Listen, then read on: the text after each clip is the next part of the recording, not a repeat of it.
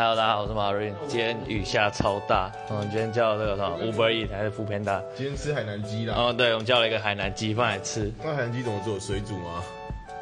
不是啊，海南鸡是用海煮的，不知道为什么叫海南鸡。哇，好棒哦！